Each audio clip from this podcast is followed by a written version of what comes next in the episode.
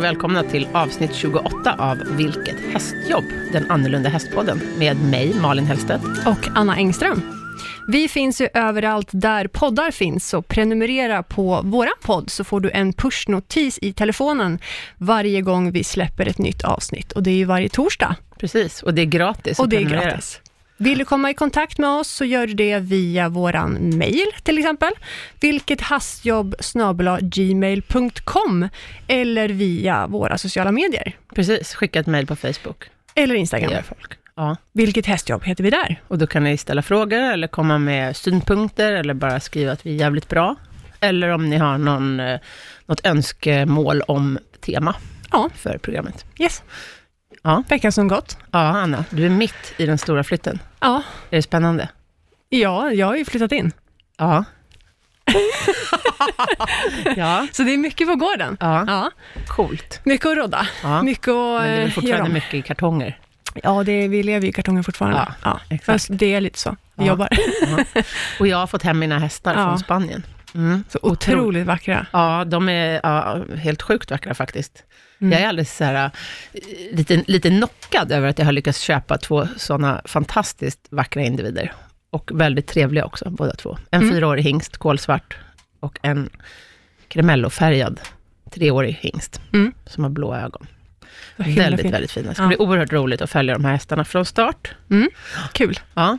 Idag ska vi prata om Elitloppet. Jag är så taggad. Ja, det är skitcoolt. Det Ja. kommer ju att gå av stapeln nu i helgen som Ja. kommer. Eh, och jag har ju tittat på Elitloppet, liksom, jag är ju absolut ingen travmänniska, men Elitloppet tittar jag på Men jag tycker varje du år. börjar närma dig en travmänniska mer och mer. Eller hur? Eller hur? ja, Du, liksom gnuggar av dig. ja. Nej, men jag tycker att det är jävligt ballt och jag har ju kollat på det hela mitt liv. Ja. Det är en sån här årlig höjdpunkt. Inte Mm. på plats då, men jag tittar alltid i tv-soffan. Men du ska ju vara där på plats i år. I år ska jag vara med och rida, precis. Det Inte i. Elitloppet, men Nej, inte i Elitloppet. Det vore i och för sig lite kanske så groundbreaking. Ja, Första ridande ekipaget i verkligen. Elitloppet. Ja. Ska vi fråga vår gäst om det kanske? Exakt. Han är ju faktiskt Solvalla sportchef och vår alldeles egna Elitloppsgeneral. Anders Malmroth. Välkommen! Tack, tack, tack, tack, tack. Vilken dignitet på ämnet. Mm, Ja. Det är ett fantastiskt ämne. Ja. Det finns eh, hur mycket som helst man kan prata om i Elitloppet. Ja. Jag gissar att vi inte kan hitta någon med mer kunskap än dig. Det kan det nog finnas kanske, men eh, Mest aktuellt aktuell. och precis Ja. i närvarande stund så tror jag att det är så. Ja. Mm. En liten presentation av dig. Vem är du? Jag är en jämtlänning från Östersund som har bott i Stockholm sedan 98.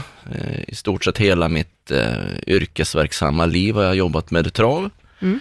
Så hästar har varit en stor del. Jag började med lite kallblod, jag hade tänkt mig själv ta licens en gång i tiden och köra lopp.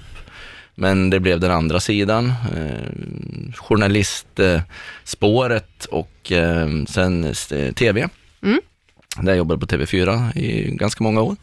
Och Okej. sen från eh, två år sedan, så, ett och ett halvt år sedan, så fick jag då erbjudande om att bli sportchef på Solvalla. Mm. Och då roligt. ingår ju Elitloppet i den posten. Ja, Och det var, eh, det var inget svårt val. Det här, det var självklart. Det, det här måste, man, eh, måste jag göra kände jag. Det är once in a lifetime. Vill du bli Sveriges travkung? Ja, tack. Gärna. Kronan Ja. kan ni sätta här, här på huvudet. Ja, typ. Ja, lite, lite så.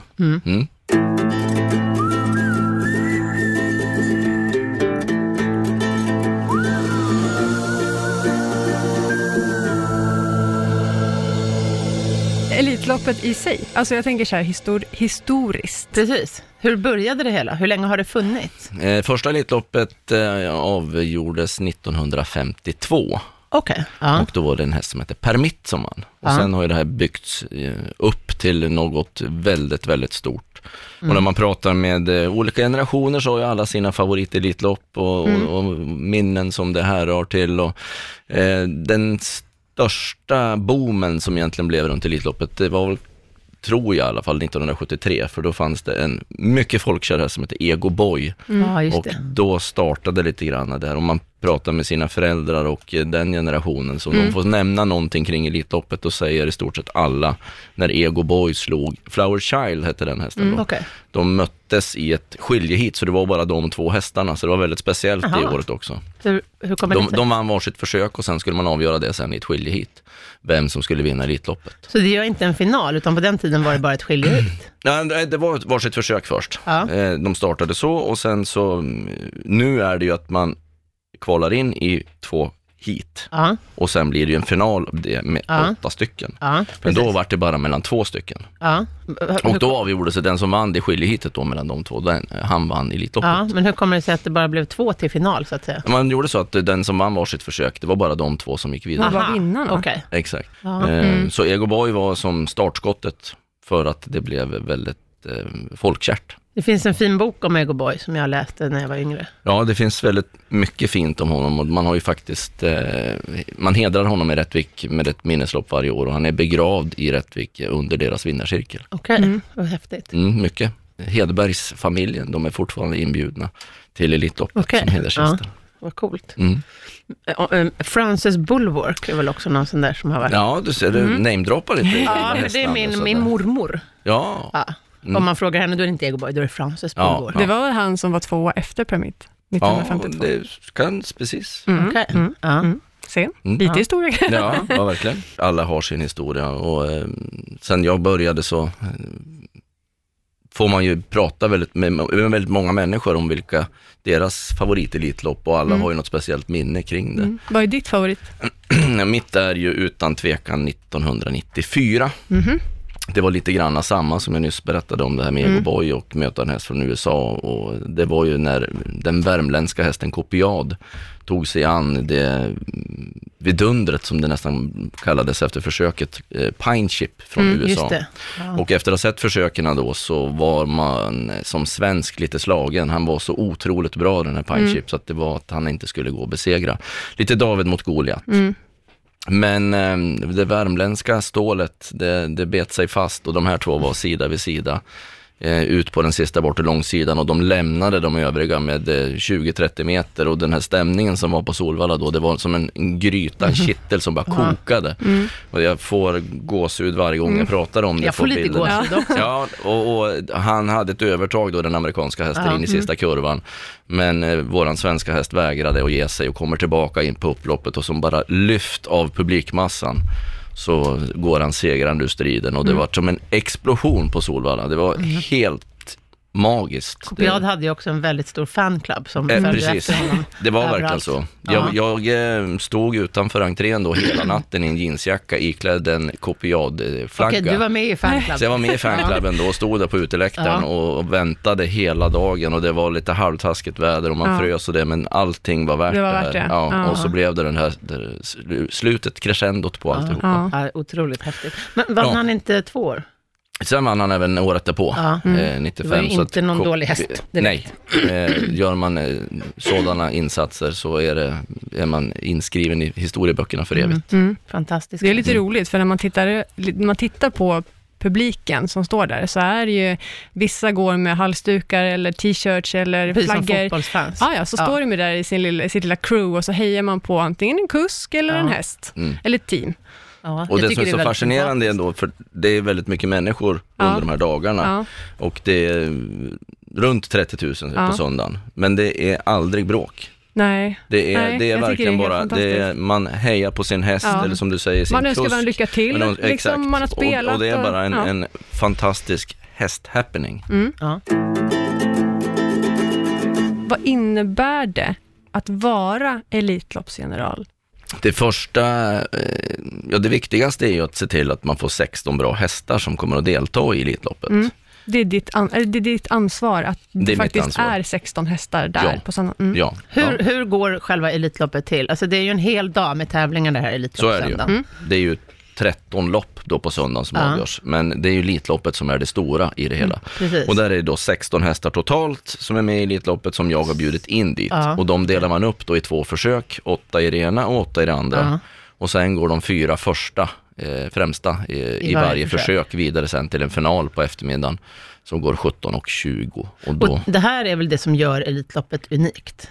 Ja, eh, Bland annat. bland annat. Det finns st- ett stort lopp i, i USA, men då är det bara för treåriga hästar. Är det Hambleton? Ja, exakt så. Går den också Titta. i två? Den går, ja, precis. Men annars så, eh, för den äldre eliten så är det mm, Elitloppet som är unikt i Ja. sitt slag. Eh, Och att det är då hästar från eh, hela världen som Mm, jag har försökt att samla. Att det är Men skillnaden mellan Elitloppet och Hambletonian är väl att du, det är betallopp Ja. på Hambot och Ja. sen så är det inbjudningar till Elitloppet. Det här är ju ett rent inbjudningslopp. Ja. I Hambleton betalar man för att få Ja. vara med? Mm, där Aha. stejkar, säger man, ägarna Mm. eh, för att få vara med i Hambletonien. Så att det är ju inte ett rent inbjudningslopp som Elitloppet Okej, är. så, Så det lite är inte de bästa, utan det är de som har råd Eller jo, det är det ju. Ja, Ja. Det är ju de bästa. det går det hand i hand. Ja. ändå. Ja. Ja, men de bästa treåriga hästarna från USA eller från hela världen? Från hela världen. Okej. Har, men, men det går så pass, treåringarna i USA är oftast så mycket bättre. Mm. För de är födda tidigare på Ja, året. exakt. Och de har en helt annan kultur. Här vill vi gärna att hästarna ska vara med lite längre Ja. i sin karriär. Mm. I USA så tävlar man ju mycket tuffare med dem när de är två och tre år Mm, och kanske så att de fortsätter som fyraåring. Men sen är oftast deras karriär över och de blir Okej. avelshingstar. Ja. Ja, här är det ju inte ovanligt att de tävlar upp till tio ålder. Exakt, så vi har ju en helt annan eh, tävlingskultur här i Sverige. Mm. Väldigt Vilket jag gillar, för här Ja. kan vi ju då bygga eh, profiler och stjärnor som är med i flera år. Det är Mm. det som är problemet i USA, att man har oftast ingen så här som du riktigt får känsla för, för de försvinner efter två år typ. Ja. Och, och sen kommer det någon ny. Det Eh, blir aldrig någon folkets häst där. Fjolårets Nej. Elitloppsvinnare, hur gammal Timo K, han är väl, Han pensionerades ju nu då, så att han Ja. slutade ju tävla. men han var Eh, väl 9-10 tjugo- år? Ja, 2017 var det han vann. Åh, förlåt, Ja, okej. men det är lugnt. Ja. Men eh, Är häftigt i alla det fall. är jättehäftigt. För Verkligen han har så. väl vunnit ett par gånger innan också? Två. Två Två, gånger innan? ja. Så det var Nej, ti- nej, Han, har vunnit två totalt. Okej, ja, men han har varit tvåa i alla fall. Exakt. Mm. Eh, ja. Så Men, lite eh, mer så- exklusivt att bli inbjuden. ja, verkligen. Då måste man ju visa framfötterna. Mm. Mm. Eh, och då är det två försök och en final. Ja. Och i finalen får vinnaren 3 miljoner kronor. Men vad trevligt. Ja. ja. Och i försöken då? Då är det 250 000 till varje vinnare. Ja, Så man kan skrapa ihop lite innan också. Ja. Ja, men det här sållar ju verkligen agnarna från vetet, Mm. tänker jag. För att Ja. även om du vinner ditt försök, så betyder inte det att man har stamina nog att stå en final också.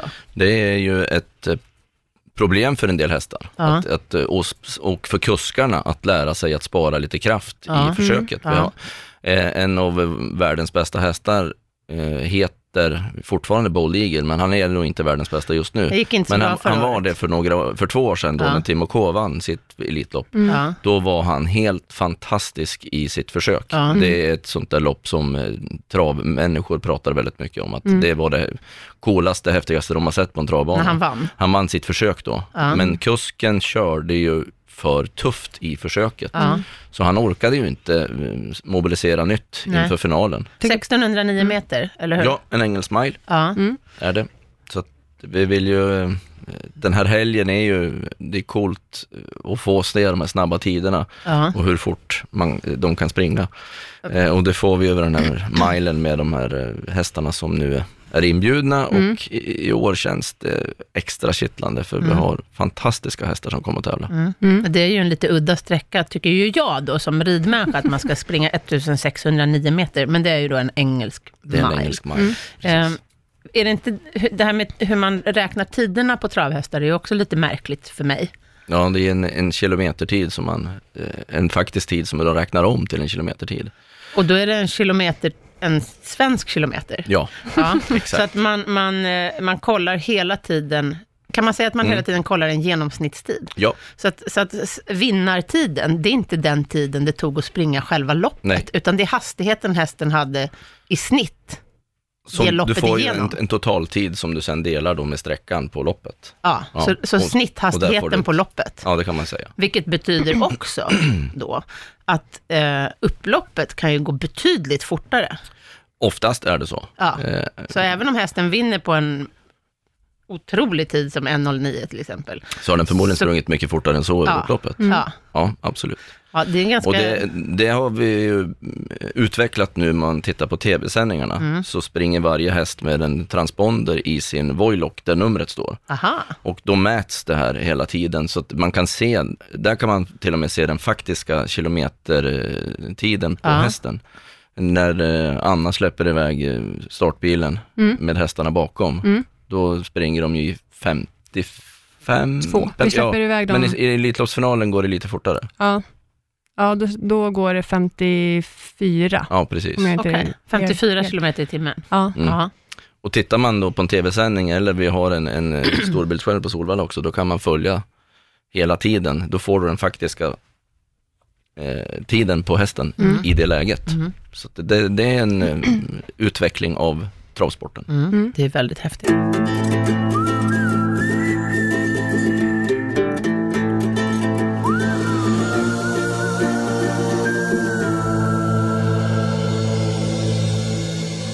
En annan grej som är, var utveckling av travsporten, tror jag infördes förra året, det här med kuskarna. Mm. Berätta lite om det. Det var en regel eh, som jag satte till i fjol, Mm. att en häst kan, eh, de här, vi har ju väldigt många bra kioskar, men de kör eh, flera hästar då, eller, historiskt sett i Elitloppet så har man kunnat kört både en häst i ena försöket och en häst i det andra försöket. Vi säger Björn Goop till exempel som är en av våra allra bästa. Ja. Då har han kunnat ha kört två hästar i Elitloppet. Mm. Eh, men Svårt det, att köra båda i finalen. Ja, de måste ju ändå välja när det kommer till en final om Ja. båda de här skulle kvala in. Mm. Eh, och då ändrade jag i fjol att det ska vara unika ekipage från start. Att Aha. det ska vara även eh, 16 hästar och 16 kuskar. Okej. Så, så de måste Ja. göra det här valet eh, innan. Mm. Ja. Eh, så de kan inte köra i båda försöken. Det tycker jag är väldigt rättvist, Ja, känns det som. Och vi får även en mångfald ja för annars, annars har man ju en kusk som kanske kommer till finalen utan att ha gjort något. Ja, och vi riskerar att hamna i ett eh, problem också, att det kommer att bli några få kuskar som kör eh, ja, flera hästar i, i Elitloppet. Ja. Eh, och det finns ju en eh, aspekt i det också som de kör mot en annan häst i ena försöket och sen så kör de mot favoriten i Elitloppet i det andra.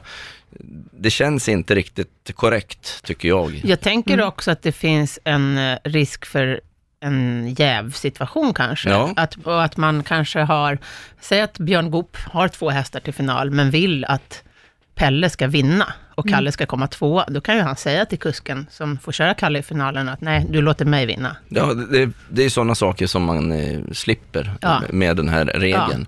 Eh, och och sen när vi pratar om eh, att heja på ekipage och det också, så Mm. vet folk redan nu när de kommer till Solvalla vilken häst och vilken kusk det är de ska heja på hela dagen. Det är det här som gäller. Det blir ingen förändring till en final. Tycker det Utan- låter som en väldigt logisk regel. Det är konstigt att den inte har funnits innan. Kan jag Ja, ja, Ja. Det är en sak om en tränare har flera hästar. ja. Mm.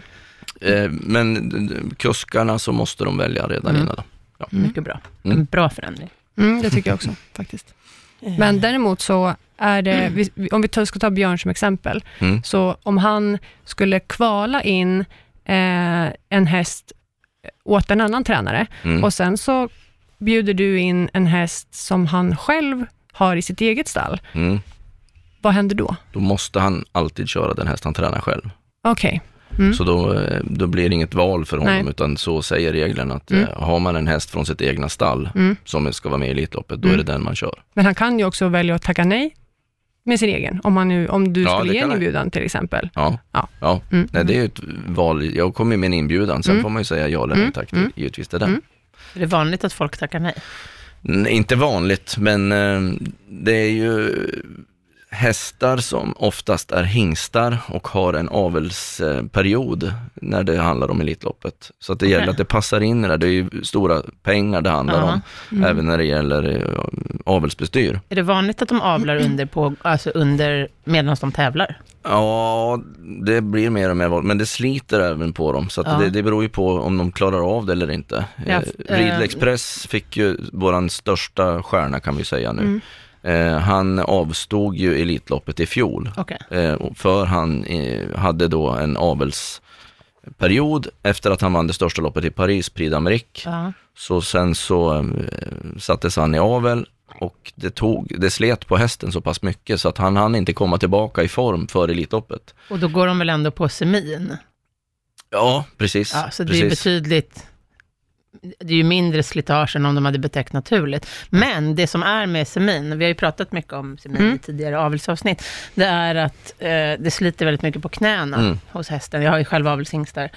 För att när en häst betäcker ett sto så kliver stot undan efteråt, medan bock, när man ska samla semin så, står, så måste hästen backa Mm. av bocken. För de som inte känner till det. Men i år har man då med Ridley Express eh, sagt att eh, han eh, avstår avelsbestyren och helt fokuserar mot att vara som bäst nu till Elitloppet. Ja. Och sen är det då sagt att eh, han slutar. Eh, Okej. Efter, så Elitloppet Elitloppet. är Ridley Express sista lopp. Så om man vill se Ridley Express på tävlingsbanan för sista gången, då ska man åka man på Elitloppet. Exakt, för sen börjar han som avelshingst på heltid. Ja, Mm. vad spännande. Mm. Det är ju nu i helgen som Elitloppet kommer Ja, gå av 26 stapeln. Det finns, finns en regel, har du berättat. Det är alltid på mors dag. Ja, det är ju lite spännande. Att, vi brukar fira Elitloppet och mamma samtidigt. Jag antar att vi inte är ensamma om det. Nej. nej, de som sitter där ute på elläktaren som vi kallar den här sektionen, uteläktaren, de eh, ringer också alla sina Ja. mammor Mm. och eh, gratulerar på jag dagen brukar ju bjuda, därifrån. bjuda dit min mamma. Det brukar Okej. vara hennes eh, mors dagpresent. Ah, att hon vad får alltid komma och titta på Elitloppet. Ja. Det är en bra, es- mycket bra present. Ja. E-sektionen, e-läktaren, Ja. det är väl hardcore-läktaren? Det är hardcore, Ja, det är det, det var väl där Kopiad fanclub satt till exempel. Precis. Ja, för det har man ju hört att ja, nu är det fullt pådrag på e-läktaren. Det mest roliga tycker jag i det här är, när man tittar på elläktaren, det är faktiskt att de har fortfarande Stig H-klubben. Mm. Alltså Jaha. de hänger fortfarande upp liksom Stig H och har hjälmarna, det står Stig och Johansson på. Gud, det tycker jag är roligt. roligt. Ja. Ja. han kör väl inte längre? Nej. Nej. Men det är roligt ändå. Ja. Ja. det är jätteroligt. Det är lite motvalls. Ja. Nej, vi hejar inte på någon annan, vi hejar på Stig H. Ja, Så. även om man inte är med. Exakt.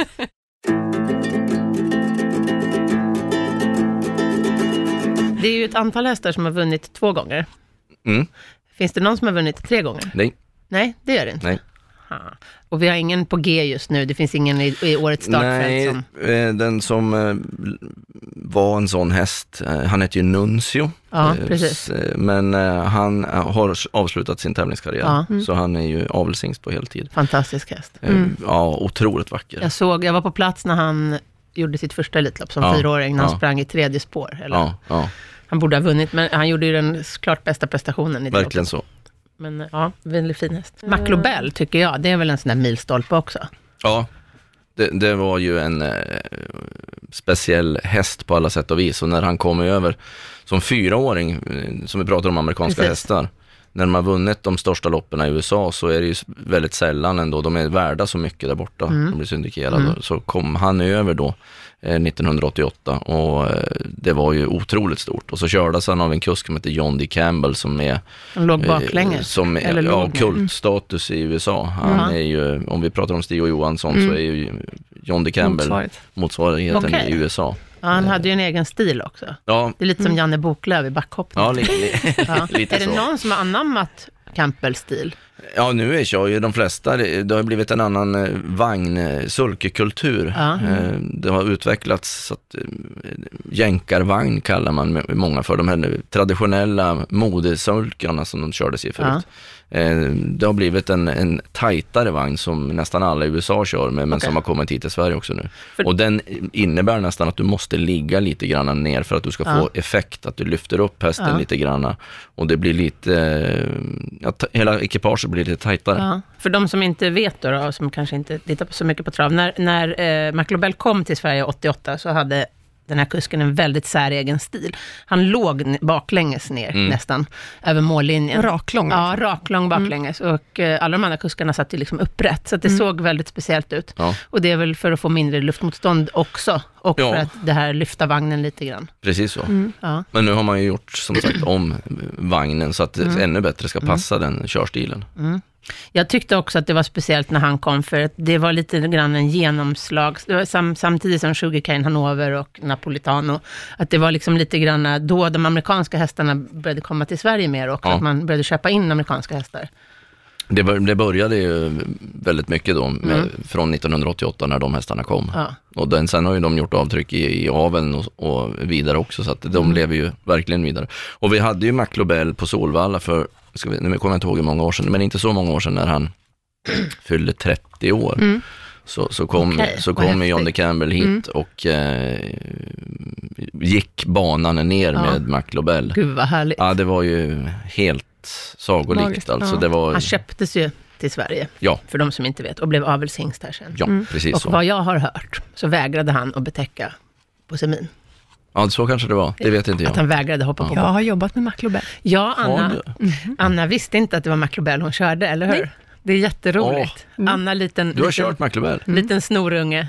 Hade, eh, mina absolut första sommarjobb, så blir jag upp, uppskuffad på den här stora svarta hästen. På vi skulle, ja, Ja. och det var, då skulle han inviga Elitloppet. Eh, jag hade ingen koll på alltså, travet egentligen, vad det var liksom, Och de så här statushästarna. Nej, jag var inte så gammal. Eh, och tulta runt med honom. Och eh, många år senare så inser jag vem det är jag har suttit bakom. Ja, otroligt roligt. Ja, det var ju... Mm, Ja, det är var fantastiskt. Ja, det var en Ja. fantastisk häst också. ja. Vad innebär det att vara Elitloppsgeneral? Eh, förutom då att eh, bjuda in de här 16 hästarna, Mm. så är det en eh, väldigt stor apparat kring logistik och eh, hur man ska få hit eh, alla, både hästar och eh, tränare, uppfödare, ägare kring dem. Värsta ansvaret. Ja, Ja. det är det ju. Och som tur är så är jag ju inte själv i det, utan vi är ju många på Solvalla. Mm. En, en eh, jättebra eh, personalstyrka. Mm. Men du har sitter olika... som yttersta ansvarig liksom. Ja, på det sportsliga planet Ja. sitter jag. Mm. Eh, men sen har vi ju en marknadsavdelning och en, en säljavdelning Mm. och eh, så ska ju alla de här delarna sys ihop. Mm. Eh, så att vi har ju regelbundna möten inför det första Elitloppsmötet, det Mm. var ju redan i januari. Ja. Och sen har vi löpande avstämning med det hela. Så att det är ju, ja det är nästan det mesta eh, sådana ögonbrynshöjare för mig sen jag kom in på Solvalla. Att, eh, ja, att du ska ta ut 16 hästar som ska tävla, men hur stor apparaten är kring Elitloppet, hur Det många delar det ska vara. Det ska vara ett tält där, det ska sättas upp det här där. Eh, allt det här med hotell, mingel runt omkring. Det, Mm. det kunde jag inte föreställa mig hur, hur Nej. många eh, trådar det är Du bara bjuder in hela. 16 hästar. Ja. Absolut, jag göra det. Inga problem, inga problem. Nej, hade det varit det enda Det- i ja. det hela, då, då hade det varit eh, Men 16, flying. 16 hästar, det händer ju att folk tackar nej. Jag tänker att då måste ni ha en lista med reserver också. Ja, jag, har satt upp en, eh, de här två åren nu då som jag jobbar med det, så har jag en bruttolista ganska tidigt Mm, på, på okej. eh, Och hur lång är den? runt, ja den började på nästan 50 hästar har väl varit Okej. båda de här två åren som jag Ja. jobbar nu då. Och sen jobba med ner mm, ju mer aktuellt det blir. Mm. Och sen är man tillbaka på, ja nu är jag väl runt eh, 20-25 som, Mm. som är tänkbara. Mm. Eh, Mm. Okej. Eh, så det, det måste man ju ha. Ja. Mm. Eh, Men det gäller att man följer travsporten runt om i hela världen, vad som kan dyka upp. Eh, För grejen med Elitloppet är ju att det är ett så stort event och det kommer så många människor från alla möjliga länder. ja, även som publik kommer Som det ju blir- folk exakt, från och hela de vill ju världen. se hästar som de inte har sett tidigare mötas. Ja, Eh, precis. Det är ju det som är det. Det går inte att ta 16 hästar från Sverige, Nej, även om de för vi råkar har vara de ju 16 våra bästa. tävlingar varje, stora lopp varje lördag. Såklart. Och där Mm. möts ju den typen av hästar hela Mm. tiden. För när man kommer hit så vill man ju se något spektakulärt. Exakt. Mm. Eh, Det har väl varit hästar från Australien till och med? Ja, Ja.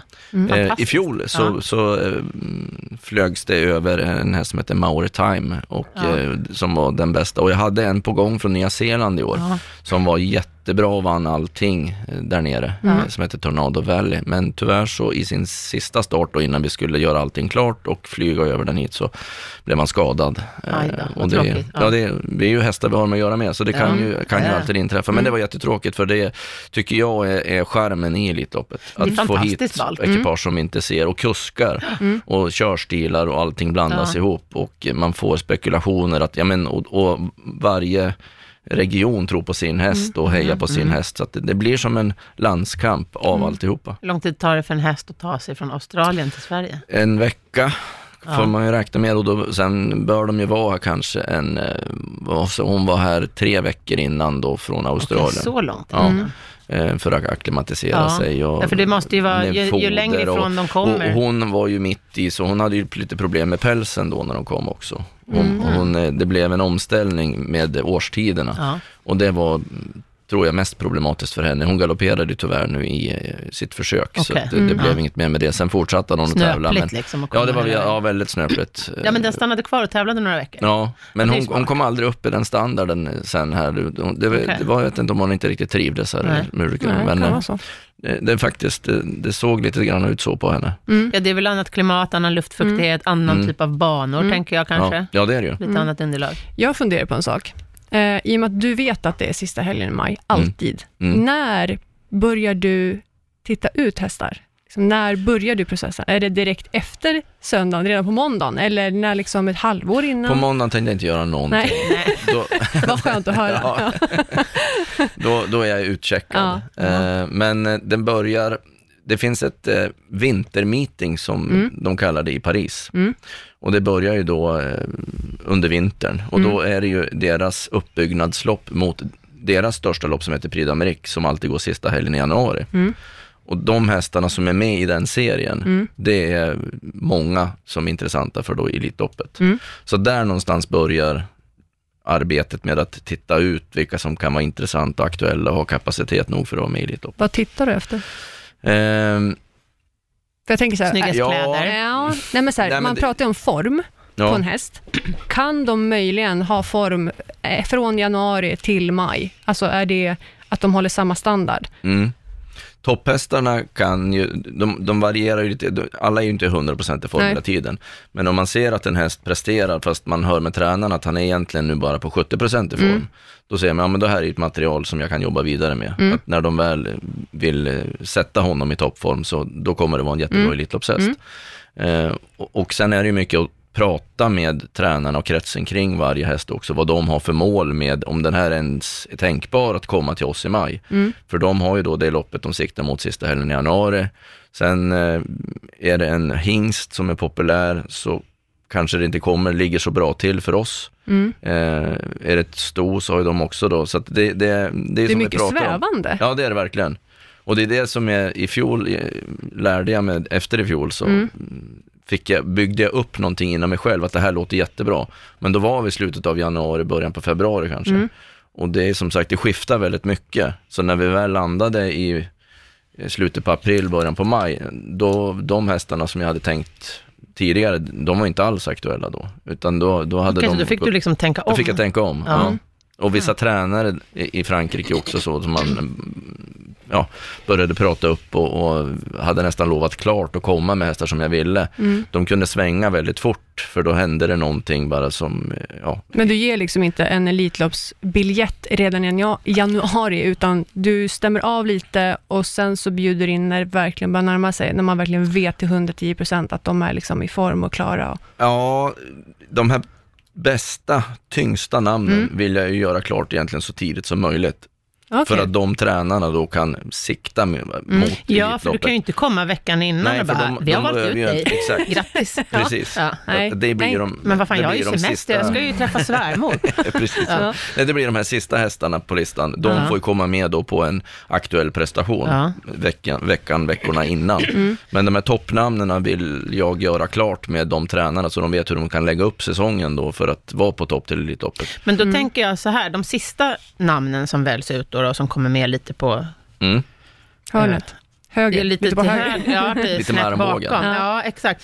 Har, har inte de lite liksom då, sämre förutsättningar? De, då har ju inte de fått förbereda sig alls lika länge som de som redan är stjärnor. Är inte det liksom att liksom lobba Mm. för att de bästa hästarna faktiskt verkligen ska vinna, så att säga? Ja, men alla är ju inte på den nivån. Alltså det, det finns ju olika grader av topphästarna då. Alla, Mm. vi, pratar eh, Readly Express och Propulsion som är våra Mm. absolut två bästa. Eh, det är sådana där namn som säljer biljetter som folk vill se mötas, Mm, drabba mm, samman. Eh, sen kommer det hästar i ett Och det är svenska hästar. och det svenska hästar Ja. båda två och de är, är tränade på Solvalla också. Ja. Så att allt det där är ju alldeles fantastiskt inför i Mm, år, mm, bara mm. få se det.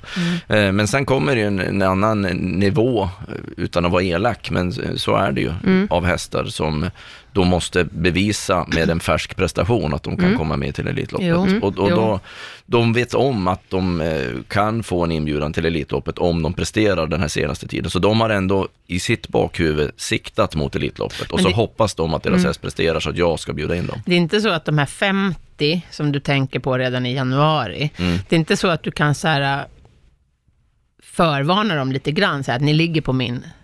Nej, nej, inte, nej, inte Nej. riktigt så. Okej. Utan, eh, För att jag menar, det vore ju inte falskt att säga att nej, ni, att- ni finns i Att åtanke. på. Ja, Mm. men jag, de flesta tränare till de hästarna, de vet att de har en häst som är Ja, så pass bra. ja, okej. Mm. Så att det ligger alltid lite grann, för det, det, Elitloppet är så stort för nästan alla. Även, alltså worldwide. Ja, worldwide. Ja. Så att man vill hit och Det tävla. är så häftigt nu du ja, säger. ja. Och, och det bygger mycket på att vi har den här publiken som vi har Mm, också. Att det finns inte så många travtävlingar där, eller det finns ingen som är som våran Nej. eh, tillställning i Elitloppet. Nej. Där hela publiken är så engagerad Nej, det finns, ju, det finns naturligtvis lopp med större publik, men inte en Men inte som är som våran. engagerad Nej. publik. Nej. För även om vi pratar Prix d'Amérique i Paris, det är, en, det är ett väldigt häftigt lopp och Ja. allting sånt. Det blir aldrig den känslan som vi har på Solvalla. Eh, Hambletonian i USA som är det största loppet där då för treåringarna. Ja. Den tävlingsdagen, den är ju som en vanlig tävlingsdag egentligen. Okej. Du får inte alls den där känslan Nej. eh, för publiken och det är därför de vill komma hit. Mm. Jag tänker mig Prispengarna är lika Kentucky där. Derby. Men, Kan ja, det, där är det, är det ju. Ja, där, men, ja, absolut. Men det är, där är det ju 150 000 på läktarna som hänger som... eh, Exakt, för där är det där- väl ganska schysst vi stämning ja, också. exakt. Det är lite eh, som, Det som pratar vi Super Bowl. galoppen där så att det var... Precis, ja, och galoppen är mycket, mycket större än travet i Mm. USA, eller ja, hur? ja, ja, mycket.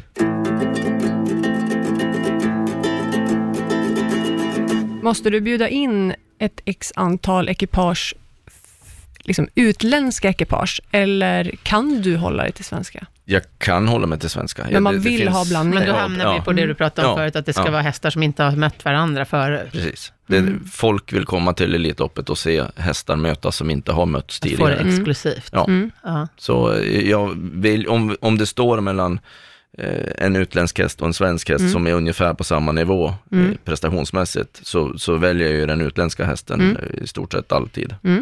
För den, den, den kryddar loppet mera. Mm. coolt. Ja. Mm. Hur många nationaliteter är med i år? Eh, inte helt klart det nu då, Nej. eftersom jag inte, men i, i fjol var det 10 Ja, det är ganska mycket. Det är, Mm. mycket. Det är 16, På 16 hästar. hästar, Ja, ja. Och, och, så jag var väldigt eh, glad och det märktes också på våra besökare Mm. och framförallt i år att vi spred ordet eh, Elitloppet och vårt evenemang. För nu är det från Australien, det kommer från USA och det är delegationer som vill titta hur vi gör. Ja. Eh, och det gör mycket när de har en häst att eh, fokusera Mm. kring och det kommer tv-team och gör runt sin häst. Eh, så det, det är nödvändigt, livsviktigt för oss att vi fortsätter ha det så. Är Australien det mest udda landet, så att säga, som har varit med? Ja, Alltså jag skulle vilja se en häst från Eh, Japan ja, eller, ja, eller ja.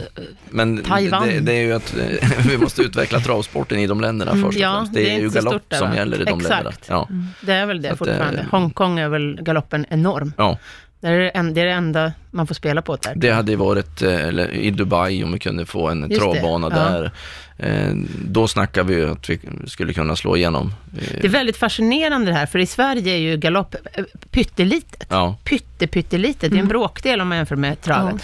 Eh, hela Skandinavien är det väl faktiskt så, Norge, Sverige, Ja. Finland. Mm. Men i resten av världen är det tvärtom. Ja. Där Ja. är galoppen mil större. Mm. Varför är det så här? Tro. Ja. Kan det ha med vårt aning. klimat att göra? Att det har varit lättare att köra vagn än att liksom galoppera fort? Det, ja det, det kan nog vara så. Att Ja. det, det, För vagn kan man ju köra även på... det började is ju det mesta ju här med häst och vagn. Ja. Vi drog timmer och, Ja. och det var naturligt att det Ja. började på det sättet. Mhm. Och sen byggdes ju travbanor och vi tävlade på isarna förr i tiden. Ja. Eh, galoppbanor har det ju inte funnits. Nej, det finns ju bara tre stycken ja, i Sverige. Ja, så vi har ju Bro Park och så Jägersro och så har vi en i Göteborg. Precis, och sen Mm. fanns det en på Blommeröd arabiskt Ja. förut också, men den vet jag inte om den är aktiv längre. Och, Ja, och så de- Strömsholm, men den används ju bara en gång om året. Exakt, Mm. Nej, precis. Men, eh, så det finns ingen eh, närhet till galoppen i Sverige Nej, riktigt. för vi har ju inget bli- motsvarande galopplopp som Elitloppet i Sverige. Nej, det har vi inte.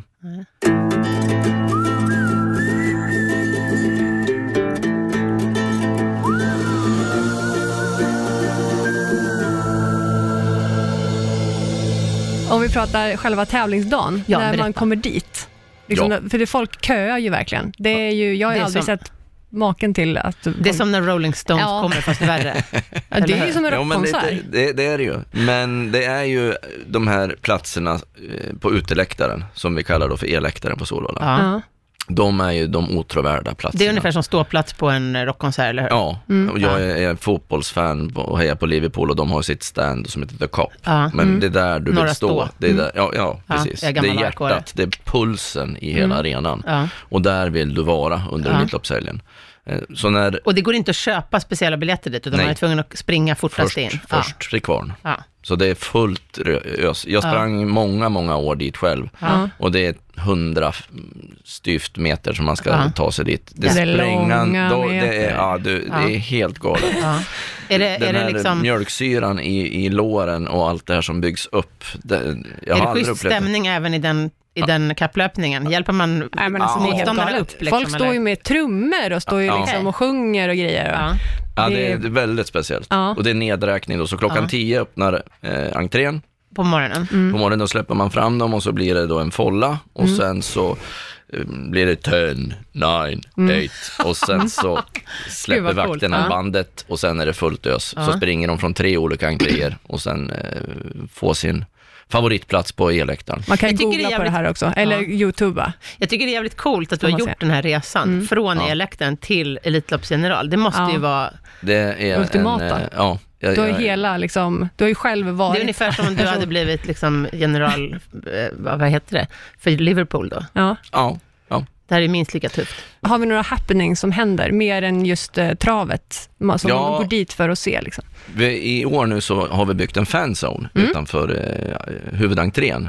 Det är väldigt trevligt, det har jag tyckt också när jag är på fotbollsevenemang Mm, och okej. andra evenemang. Ja. Ska det vara lite meet and greet? Ja, lite Ja. så att de som står i kön där och kommer dit tidigt på morgonen också har någonting att eh, göra, aktivera sig. Mm. Så att vi har Bandit Rock där som kommer att vara där och spela musik under hela Ah, förmiddagen. Kommer sheriffen sitta där? Jajamän! Jajamän, ja. Du ser. Vad tufft. Så både du och jag och sheriffen Ja. kommer vara på plats på, sol, Kommer ha en liksom, ja absolut.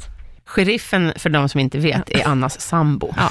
Ja, Jag han är lite så programledare här, på nu får, Bandit. du, han får hålla sig utanför först, för det är mycket min arena här. Ja, men jag kan väl få vara där inne, jag ska ju ändå rida. Så vi börjar i år med att ha han i fanzone, Ja. så kanske nästa år får Han får inte in jobba sig in i bilen bara. Nej, nej, nej. nej, Jag vet inte, det här meet and greet på, på Elitloppet, och så får man träffa sheriffen. Ja. Ja, och i det här området, då börjar vi, vi har som sagt Bandit Rock som Ja. spelar musik där. Ja. Vi kommer att ha en eh, Elitloppsvinnare på lördagen som står där, som heter From Above.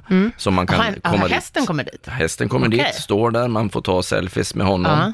Eh, ATG Gud, kommer att ha sin eh, del där man får registrera sig för arenan. Ja. Och vi på sporten kommer att ha olika eh, profiler under, Men jag tror att jag kommer ställa mig i den här kön, ja. Och då För att på, träffa from above eller för att träffa sheriffen? from above. Ja, okej, ja. dessutom på söndagen då, mellan 9 och 11, så kommer Järvsö Fax att stå där. Nå, då vill jag komma. Ja. Se, se. Ja. Men på... Då står han utanför huvudentrén. På söndagen. Ja. Mm, då står han utanför huvudentrén. Åh. Mellan 9 och 11 så står han där med sin ständige följeslagare Jan-Olof Persson. Ja. Och han är helt fantastisk. Ja, hur gammal Han är är han? lite 25. Oj, han är lite grånad i pannan sådär, Mm, men han är så underbar Ja. och han är så kelsjuk. Och han älskar uppmärksamhet. Mm. Det är det bästa han vet. Då har vi tre stycken inte- där ute som, har, som älskar uppmärksamhet. Ja, From above, sheriffen, from above och Järvsöfax. För de som inte vet så är Järvsöfax Sveriges i särklass bästa kallblod genom Ja, det tiderna. kommer, Ja. jag, jag tror, kan inte tänka mig att nu någon kommer att komma upp i de meriter som Järvsöfax har. Han tjänade nästan 20 miljoner, han vann över 200 lopp. 20 miljoner för ett kallblod. Ja, det, är- det är nästan, det är, det är omöjligt att Ja, komma upp alltså Han det är väl allt. samma, det är ju samma liga liksom som Ja. Victor i Tilly, fast Ja, nej, men- som Mm. kallblod. Det är helt magnifikt. Ja, Mm. helt Ja, fantastiskt. gå och titta på en fantastisk häst helt Ja, enkelt. ja. Vi har ju veckans tips som vi brukar ge våran gäst. Ja, eller du ska ge vår publik veckans tips. Ja, precis. Ja. V- Våran gäst får ge det till våra lyssnare. Nå, Ja. Och, och det är ju ganska givet i det här fallet. Ja. Ja. vara på plats. Ja. Det här är ett fantastiskt evenemang. Du träffar eh, nära, kära och sen har du hästar i världsklass. Ja. Du kan inte se bättre travsport någon annanstans. Nej, och en stämning som, Som är, går att går ta- utanpå som varje allt. fotbollsmatch, varje rockkonsert, finns varje rockfestival Precis. ihop.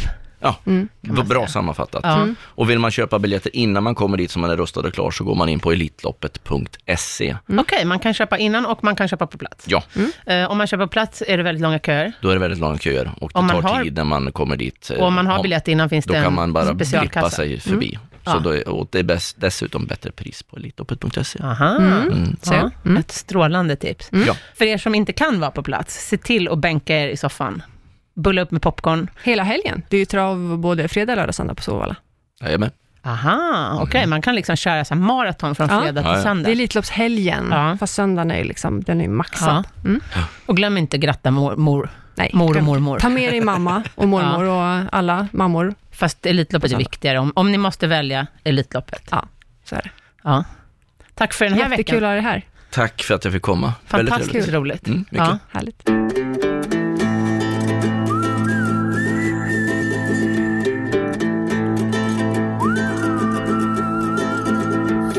Produceras av I Like Radio. I like radio.